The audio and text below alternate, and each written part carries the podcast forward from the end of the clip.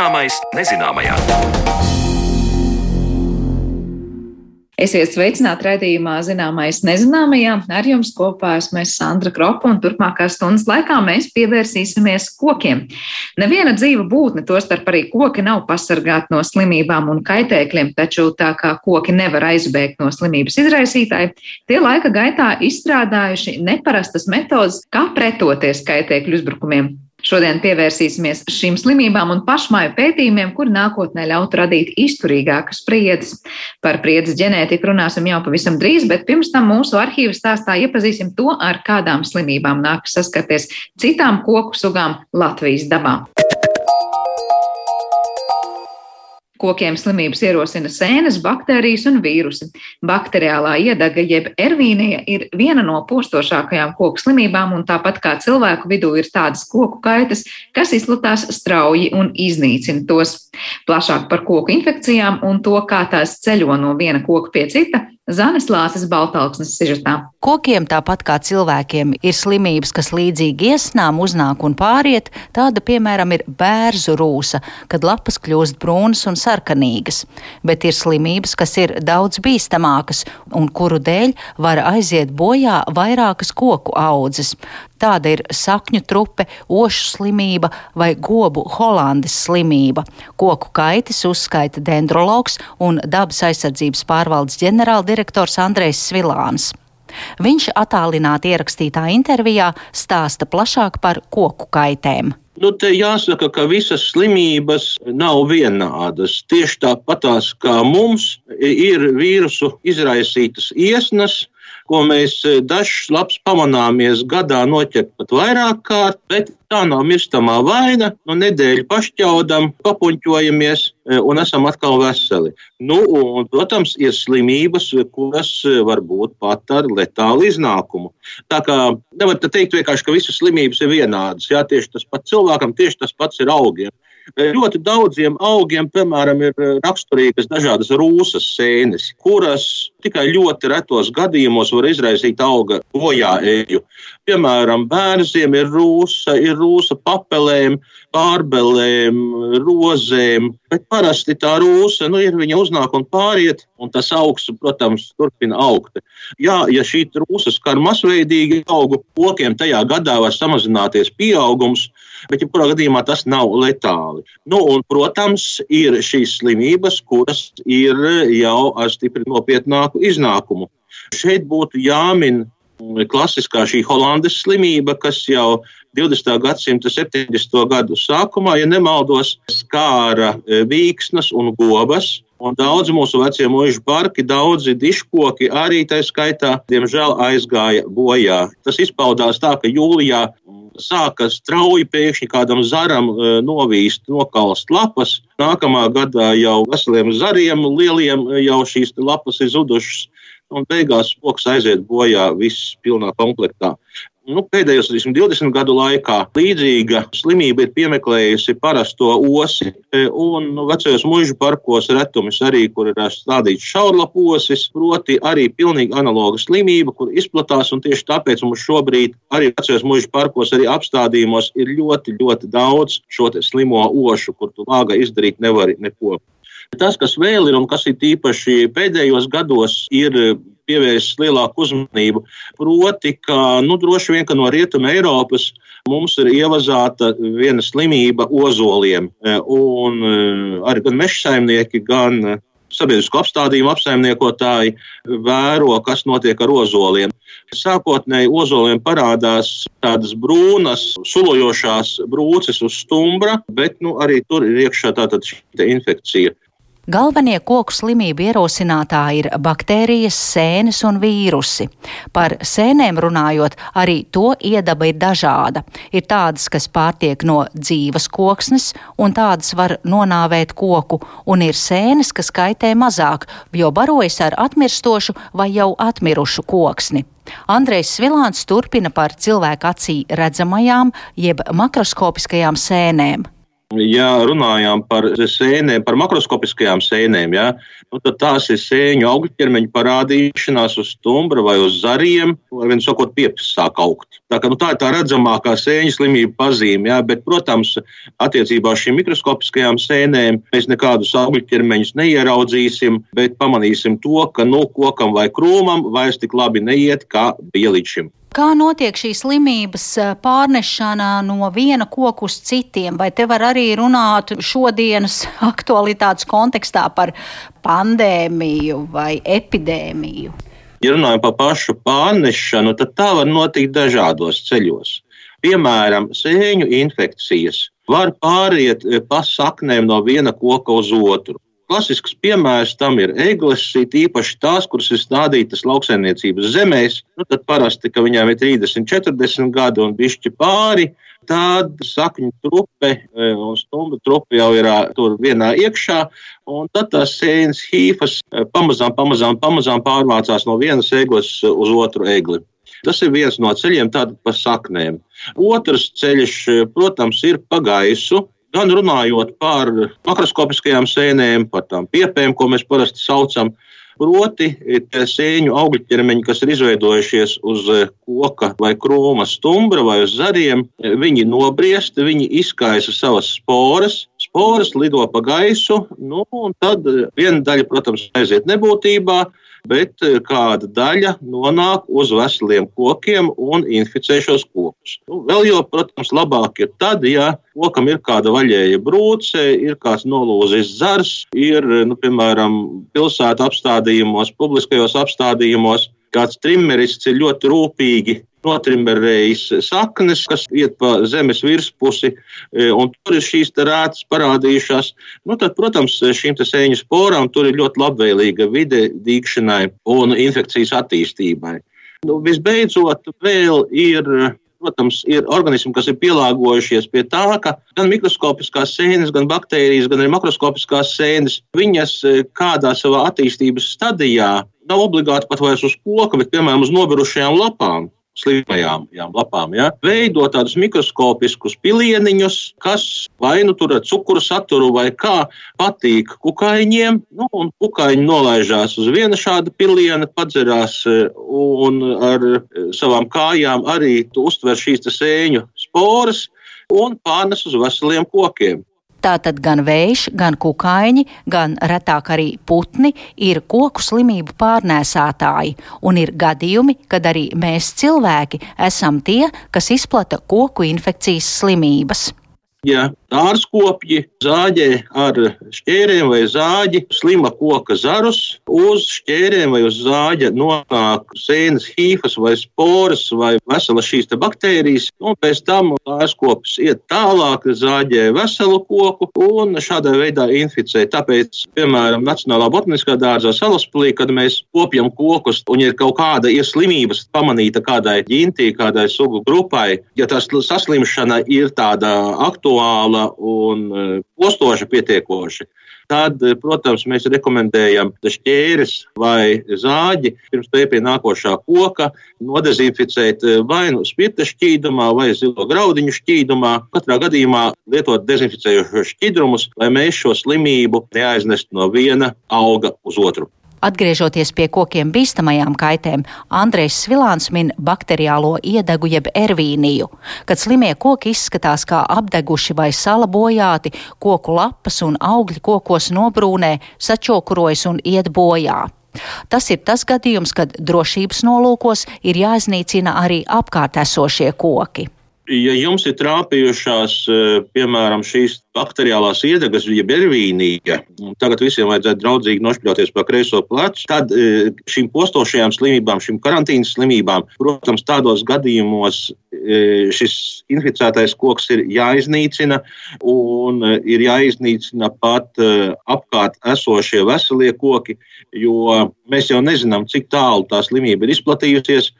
Mēs īsti nezinām, kas tur tiem pārējiem lācīšiem ir vēderā un kurā brīdī tā slimība nāks laukā. Un bieži jau ir tā, ka tīsim, tā slimība parādās, un mēs viņu pamanām vēlāk, bet eh, jau no tiem pašiem zariem, arī šai ervīnijai, šīm bakteriālajām iedegām, arī viņai ir veidojušies šie tā sauktie eksudāta pilieni. Proti, dzidri pilieniņi, kas ļoti patīk kukaiņiem, un eh, kuru viņi pēc tam ar savām kājiņām iznēsā tālāk uz veseliem kokiem.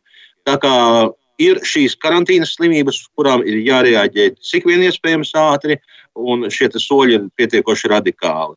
Ir vēl šobrīd eh, Eiropā ir vesela grupa vēl šādiem karantīnas organismiem. Latvijā par laimi viņi nav konstatēti, bet piemēram Vācijā uz eh, oleandriem, ievestiem oleandriem, tika konstatēta viena saslimšana, kura var kaitēt aptuveni 300 augu sugām. Tā kā ir tādas e, šīs baktērijas un sēnes, kurām ir ļoti specifiska šī e, saimnieka augu pulciņš vai lociņš. Ja. Dažas labas suga varbūt tās tikai uz vienas vai dažām sugām, bet ir arī slimības, kurām ir e, par saimniekiem var būt vai starpsaimniekiem var būt desmiti un simti augu sugu, un kas var radīt nopietnas bažas. Andrejs Svilāns arī bilst, ka mums jābūt uzmanīgiem, ievedot kādu augu no citām valstīm. Arī tā varam iedzīvoties jaunās augu kaitēs, kā tas jau ir noticis, nerunājot gan par kokiem, bet mazākiem augiem, tajās reizēs, kad Latvijā ieceļoja ne gluži slimība, bet ļoti postošs un slimībai līdzīgs iemītnieks Spānijas kailgliemezs, par kuru jau nereiz vien esam runājuši vairākos mūsu raidījumos. Tik tālu par dažādām slimībām, kas piemeklē kokus Latvijā, bet konkrētāk par priedi un tās spējām ārstēt sevi un pretoties slimības izraisītājiem - saruna pēc brīža.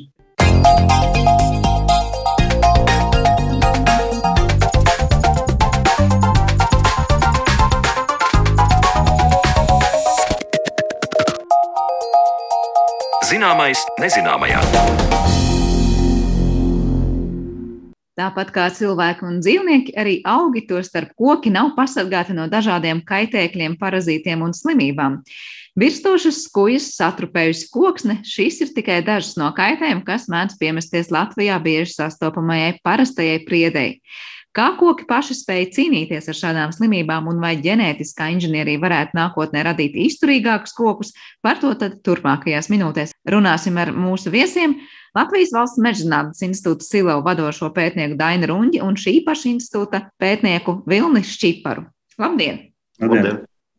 Pavisam drīz mēs parunāsim par konkrētu pētījumu, kurā jūs esat iesaistīti un kas Latvijā top, lai var teikt, nu, padarītu kokus stiprākus, bet pirms tam gribētos tikt skaidrībā ar to, nu, cik tad apdraudēti un slimojoši, ja tā var teikt, ir koki, un ja mēs tieši par skujkokiem runājam, Nezinu, kuram no jums ir šis jautājums primāri atbildāms, bet nu, cik dažādas un izplatītas ir patiesībā skuju koku slimības.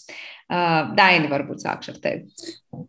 Nu, jā, es varbūt uzsākšu, jo tad īstenībā tas, tas, tas nu, sēnes vai citi organismi, kas izraisa tās, ko mēs saucam par slimībām, īstenībā ir daļa no, no dabas, un, un tas tikai ir zināmos apstākļos, viņi izpaužās, teiksim, un parasti tas ir eh, uzskatāms kā, kā mm, slimības tādā ziņā, ka viņas eh, negatīvi ietekmē meža saimniecību, jeb kaut kādas citas uh, aktivitātes.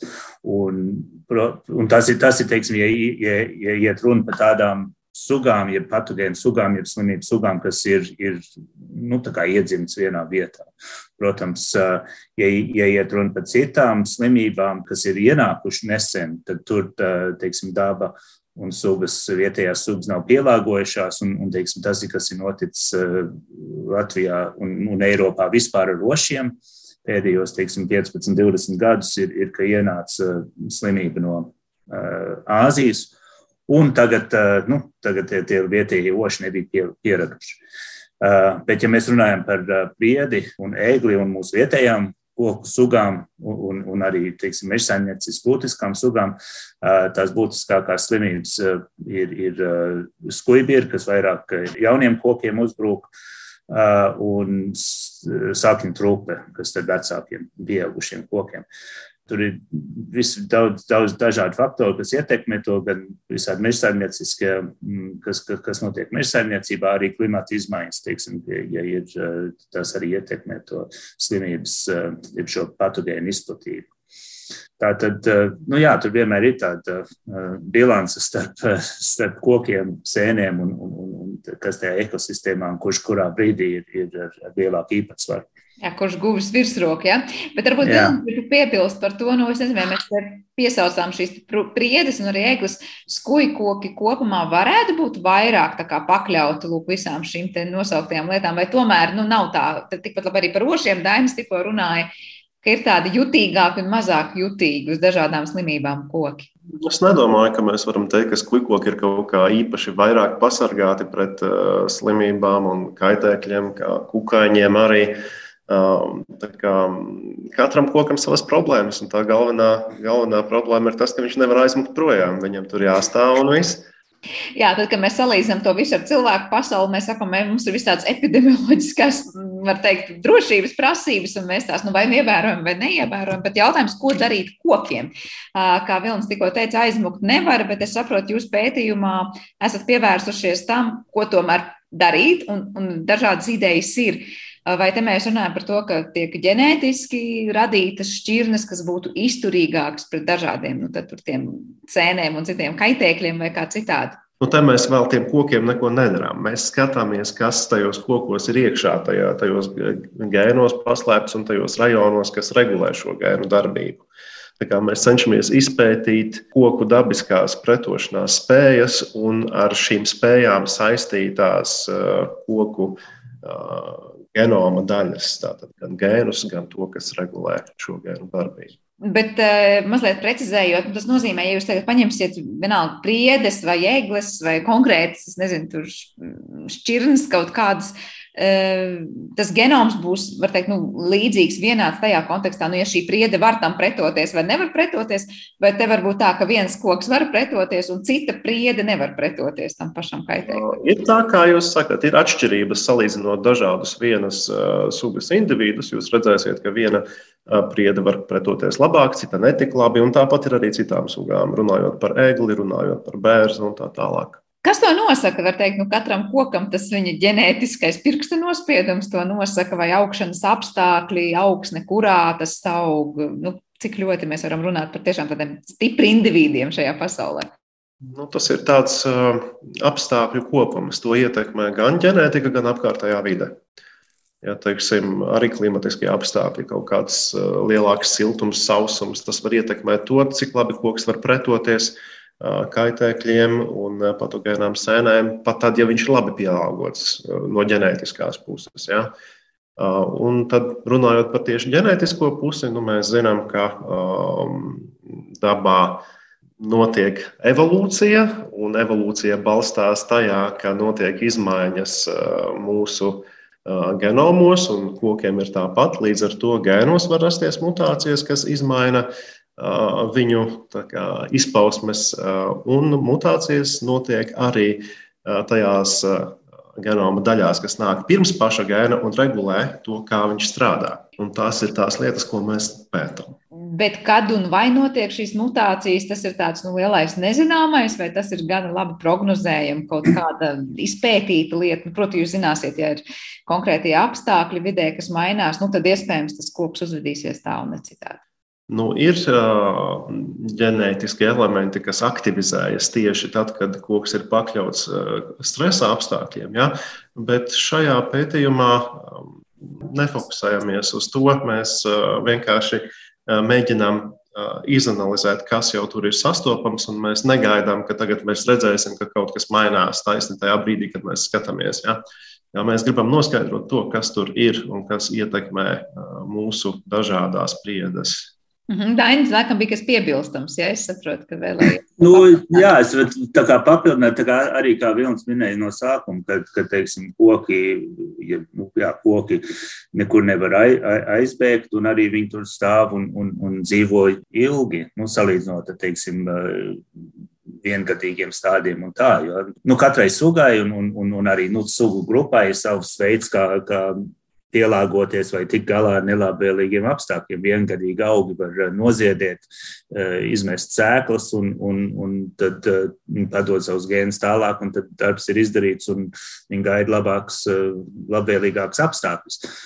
Kokiem parasti nav tas, ir, ir tas viņam, tās, viņiem tā stratēģija tā, ka viņi tur simtiem gadiem stāv vienā vietā un izdzīvo, un tāpēc arī viņiem ir uh, pilnīgi citādas, teiksim, gan ģenētiski, ģenētiski nosacīti uh, mehānismi, kā viņi var, teiksim, izdzīvot šitos uh, nelabvēlī, nelabvēlīgos apstākļus. Un, un tad uh, tas, ko, ko mēs pētam šajā pētījumā ir viens aspekts, teiksim, nevis tieši to, to gēnu olbaltumvielas, ko viņi iekodē, bet varbūt kā, kādā veidā gēni, kam, kas, kas, kas eh, dod šo izturību pret kaut kādu slimību, kā viņi tiek aktivizēti. Un, un, un, protams, katrs eh, koks mežā ir, ir indivīds, tāpat kā cilvēks, un, un katram ir savs cits veids, kā viņš reaģē pret teiksim, slimību. Un, un tad mēs mēģinām saprast gan um, kopumā, kuri gēni tiek aktivizēti, kādā veidā, saprast tos mehānismus un, un, un to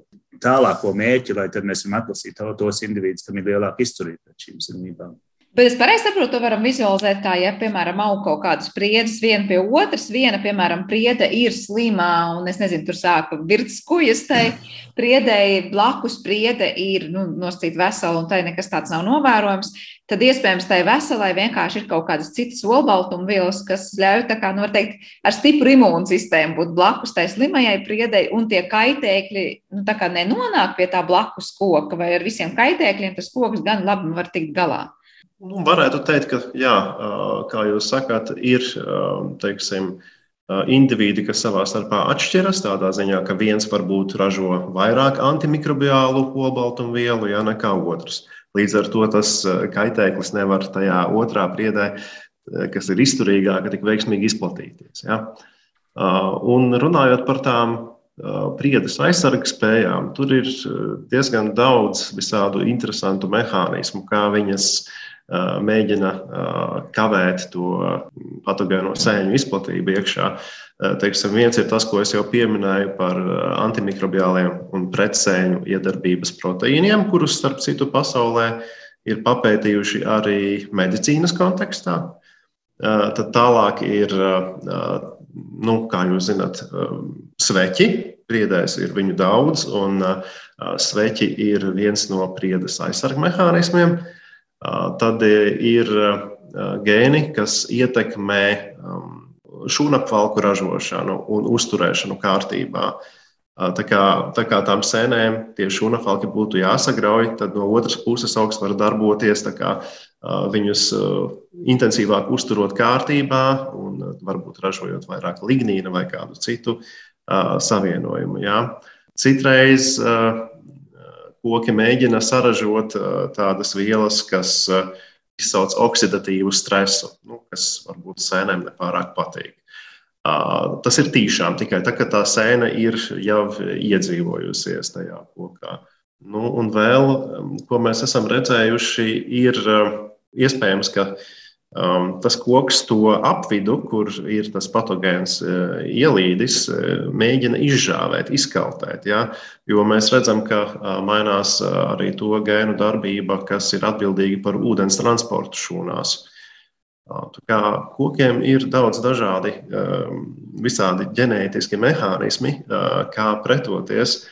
Un, nu jā, kā Dainis teica, mēs skatāmies, eh, kā šie mehānismi tiek regulēti. Mēs to mēģinām noskaidrot. Bet cik ātri koks var ieslēgt šo, šos mehānismus? Un, savukārt, ja, ja tas kavējas, tad kādi ir tie iemesli, kāpēc koks nevar saka, šos mehānismus aizsargt palaist? Nu, tos mehānismus viņi ieslēdz ļoti ātri. Katrai šūnai ir uh, tādi, tādas olbaltumvielas, ko sauc par receptoriem. Ja? Un parasti augi ir spējīgi atzīt uh, kaut kādas patogēnās sēnes, izmantojot šos receptorus. Un ļoti ātri šīs aizsarga uh, aizsarg reakcijas tiek uzsāktas. Teiksim, mūsu iepriekšējā pētījumā mēs skatījāmies, kā mainās koka gēnu darbība vienu dienu pēc tam, kad mēs viņā tīšām ieliekam iekšā patogēnu sēni. Ja, un pēc vienas dienas jau mēs varam redzēt statistiski ticamas uh, gēnu darbības atšķirības.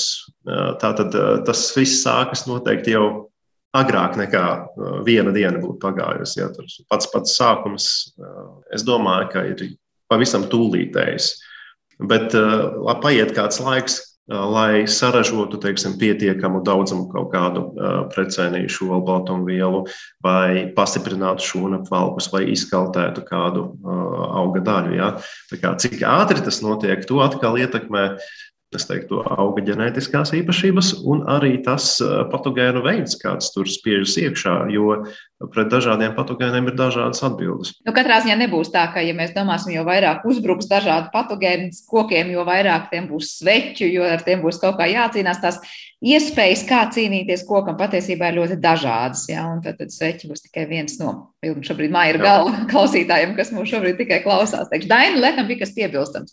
Otrais, jā, un, un, un vienkārši jā, arī jāatcerās tas, kā, kā ja koks iedarbo šos, izturības mehānismus, protams, tad, tad viņš tas arī maksā viņam, tam kokam, teiksim, viņš neaug tik ātri. Un tad vienmēr tam kokam un, un jāatrod šo, jo, protams, viņš varētu vienmēr uh, būt tādā cīņas uh, gatavībā cīnīties pret jebkuru slimību, bet, protams, tas arī nāk ar tādu cenu, ka viņš neaugs tik ātri kā, teiksim, blakus esošie. Un, un, un, jā, nu, tāpēc, un, un kā, kā arī tika minēts, nav tikai viena kaut kāda slimība, bet ir daudz dažādu kaitēkļu. Un, un, un tas, kāpēc nu, nav, nav tik vienkārši, kā tas varbūt ir uh, laukaugu uh, selekcijā, ja tā atkal vienkārši, jo koki ir, ir ilggadīgi, ilgspējīgi, ir daudz dažādas tās tie izaicinājumi Un, un tāpēc um, jā, tur nebūs viens gēns, ko mēs tagad atradīsim, un tas būs tas, kas izglābs visas, uh, visas priedes. Tad tur ir, ir daudz dažādu mehānismu un, un, un gēni, kas ir iesaistīti. Un, un jā, jo īstenībā tas, tas arī šitais varbūt kas nav tik daudz, un, un šitais nav mūsu pētījumā, bet un, un arī daudz nav pētīts, bet nu, tomēr tie koki ir aug tā kā ekosistēmā un ne tikai kā indivīdi. Un, un, un, teiksim, ir, ir, ir, ir pētījumi, ka, ka rāda, ka, teiksim, ka kaut kāda kaitēkļa uzbruk skuju kokiem, ir kaut kāds gaistošs vielas, ko viņas izdala, kas tad, tad pabrīdina citus koku tuvojās, tu, tuvos koks, kad, kad, kad ir šādi kaitēkļi līdzīgā veidā, teiksim, caur sakņu kontaktiem arī, ja, teiksim, vienam kokam ir, ir sēņu infekcija. Uh, tad var arī kaut kādā veidā padot to signālu tālāk uz blakus esošiem kokiem, lai tad viņi var gatavoties. Tātad, tātad laikus jā. uzkrāt jau aizsargu mehānismus palaist. Jā, nu tad viņi zina, ka kaut, ka kaut kas nāk un, un, un kad ir vērts tad pārslēgties uz aizsardzības režīmu, nevis uz, uz, uz teiksim, augšanu, jau. augšanas režīmu.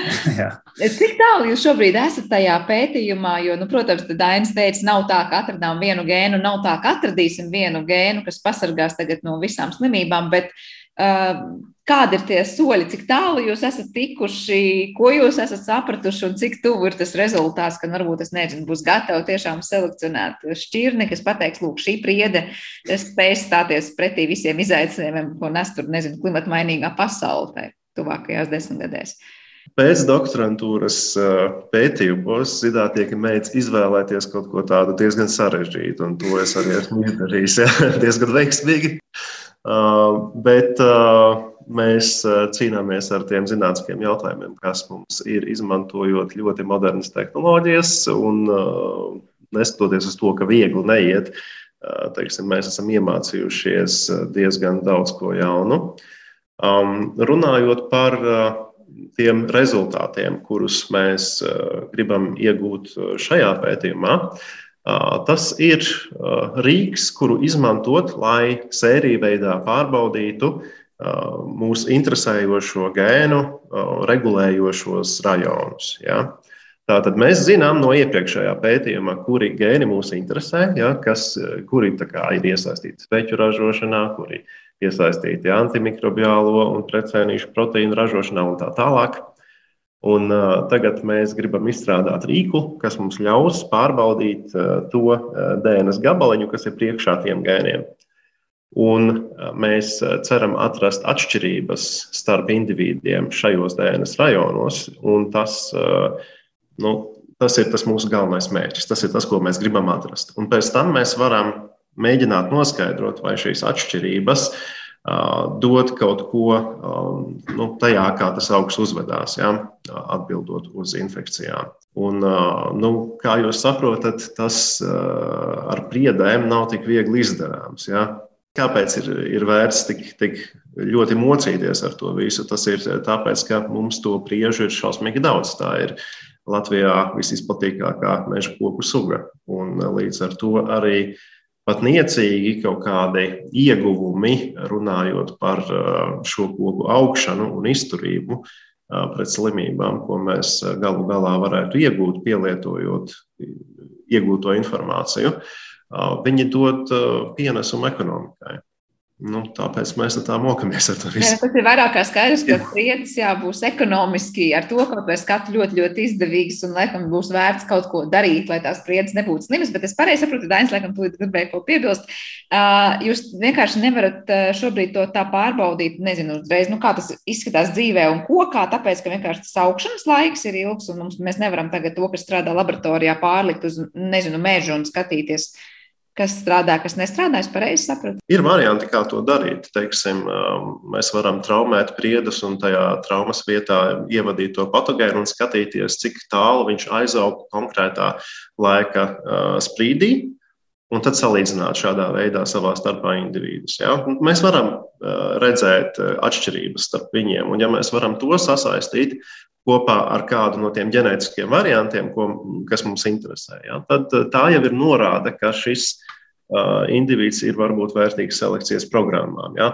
Uh, bet, kad mēs ieviešam kaut ko selekcijā, nu, nu, tur, tur tas ir jā, rūpīgi jāizvērtē arī no tāda viedokļa, teiksim, labi, mums ir teiksim, labāka reakcija uz to kaitēkli, bet kā tas ietekmē uh, koka augšanas ātrumu, kā Dainis teica. Ja?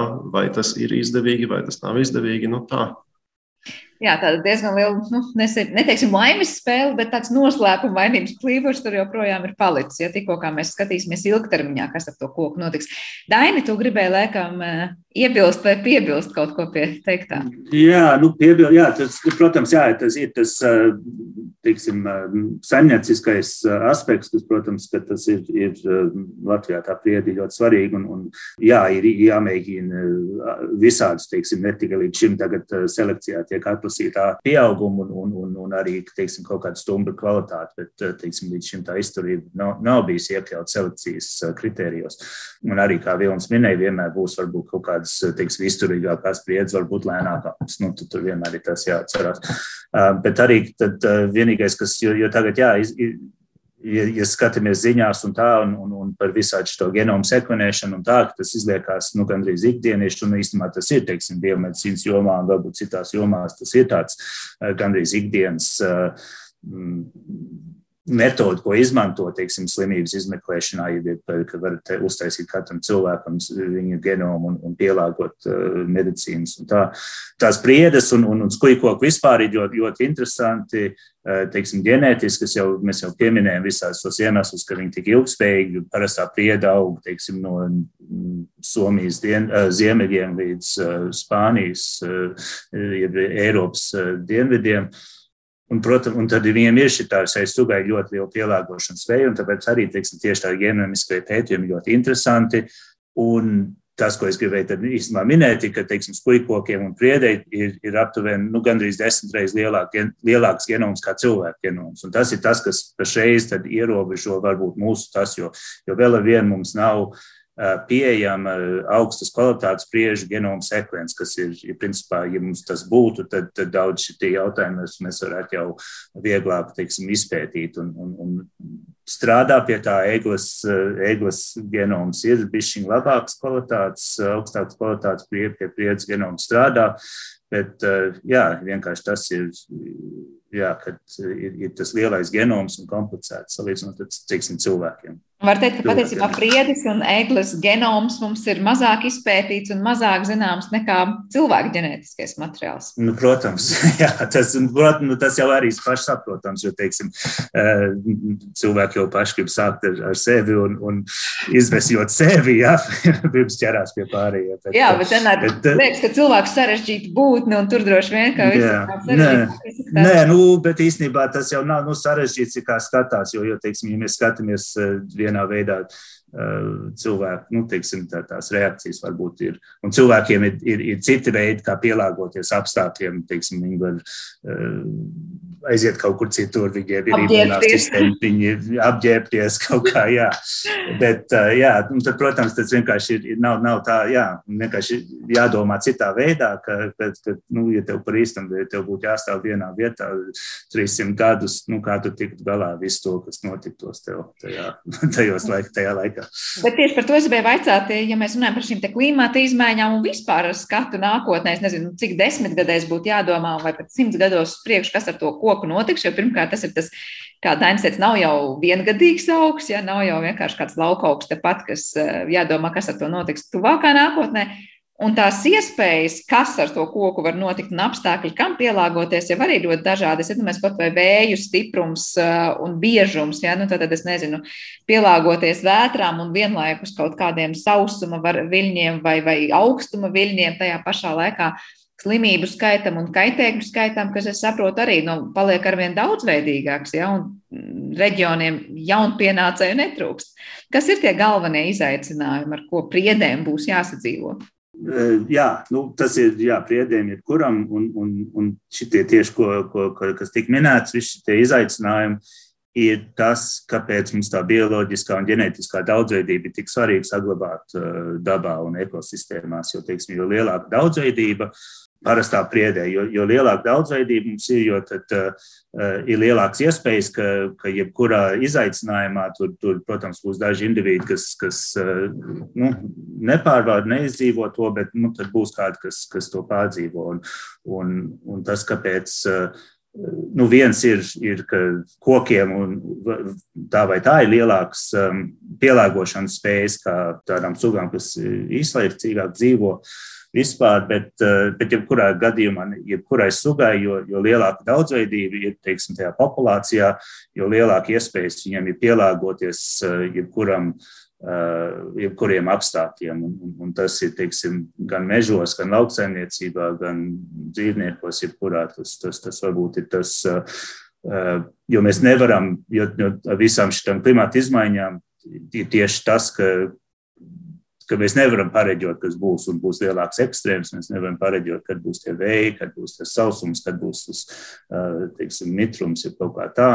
Un, un tad, ja mēs nodrošinām, ka mums ir šī daudzveidība, tad, tad nu, protams, kaut daļa neizdzīvos un nepārvērēs, bet mums kaut kas, kaut kas paliks un, un, un, un turpināsies, tiksim, evolūcionēt un, un, un attīstīties un, un izdzīvot.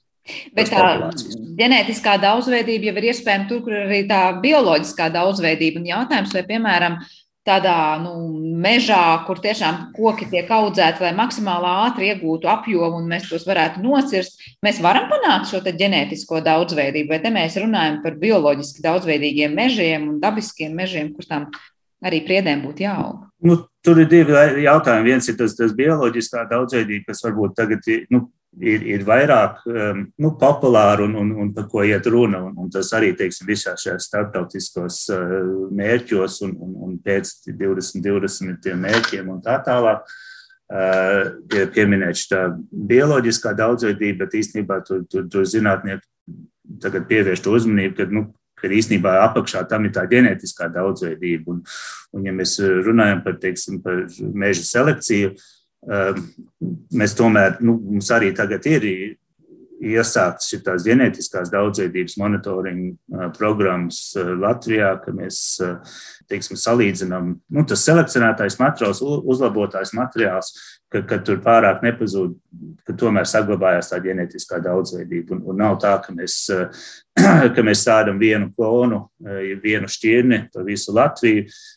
Tomēr tas, tas, tas, kas tiek stādīts, Latvijas mežos, lai gan tas ir uzlabots materiāls un, un, un atlasīts, lai tiksim, ātri audzīgāks, ir par augstāku kvalitāti, bet tas nenozīmē, ka viņš par īstenību ka tas ir, ir ģenētiski viendabīgs, nu, tad tomēr, tomēr katrs koks, arī, kas tiek iestādīts, ir savs individs, un, un, un mēs nodrošinām, ka, tā, ka, ka ir tā ģenētiskā daudzveidība, jo, jo, jo tad arī tas, tas Citādāk, tu par īstu nevarētu viņus tur audzināt. Nu, Riski būtu vēl lielāki. Nevarētu tur izdzīvot, teiksim, nu, pat, pat 10, 20 gadus. Jā, jā Vilni, tad sanāk noslēdzot šo sarunu, vai ir kāds nu, vēl piebilstams vārds par to, ar kādiem riskiem nāksies saskarties šiem kokiem, un kad ir tie tuvākie reālie soļi, ko mēs redzēsim kā pētījuma rezultātus jau iedzīvinātus dzīvē?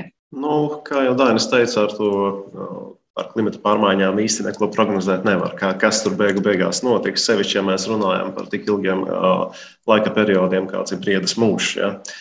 Labākā lieta, ko var darīt, ir tas, ar ko Latvijā mēs jau nodarbojamies, tātad selekcija. Ja.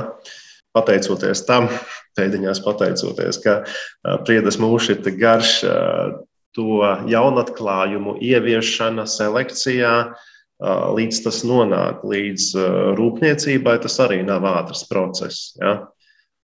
Tomēr jau šobrīd var teikt, ka mūsu selekcionāri ir panākuši būtisku priežu, ražī, priežu augu ražības pieaugumu, un tāds arī turpināsies. Un nākotnē varbūt tas turpināsies vēl, vēl straujāk un jaudīgāk, ņemot vērā šīs jaunās ģenētiskās metodes un zināšanas, ko mēs iegūstam. Ja?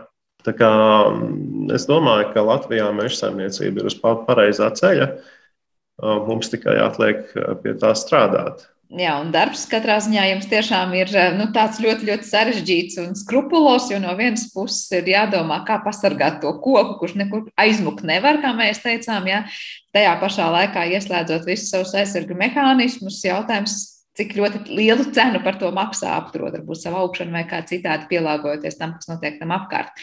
Lielas paldies, ka ieskicējāt gan šo pētījumu, gan to, kas vispār notiek ar um, šiem skujkoku slimībām un koku spējām pretoties. Es teikšu paldies mūsu attālinātās studijas viesiem, Latvijas Valsts meža zinātnes institūta Silava vadošajam pētniekam Dainim Ruņģim un šī paša institūta pētniekam Vilnim Šķiparam. Ar to arī uh, raidījums ir izskanējis, to producēja Paula Gulbinska un par mūziku parūpējās Girds Bišs, bet ar jums kopā bijis Sandra Krapa. Veiksmīgi mums visiem dienu un uz tikšanos!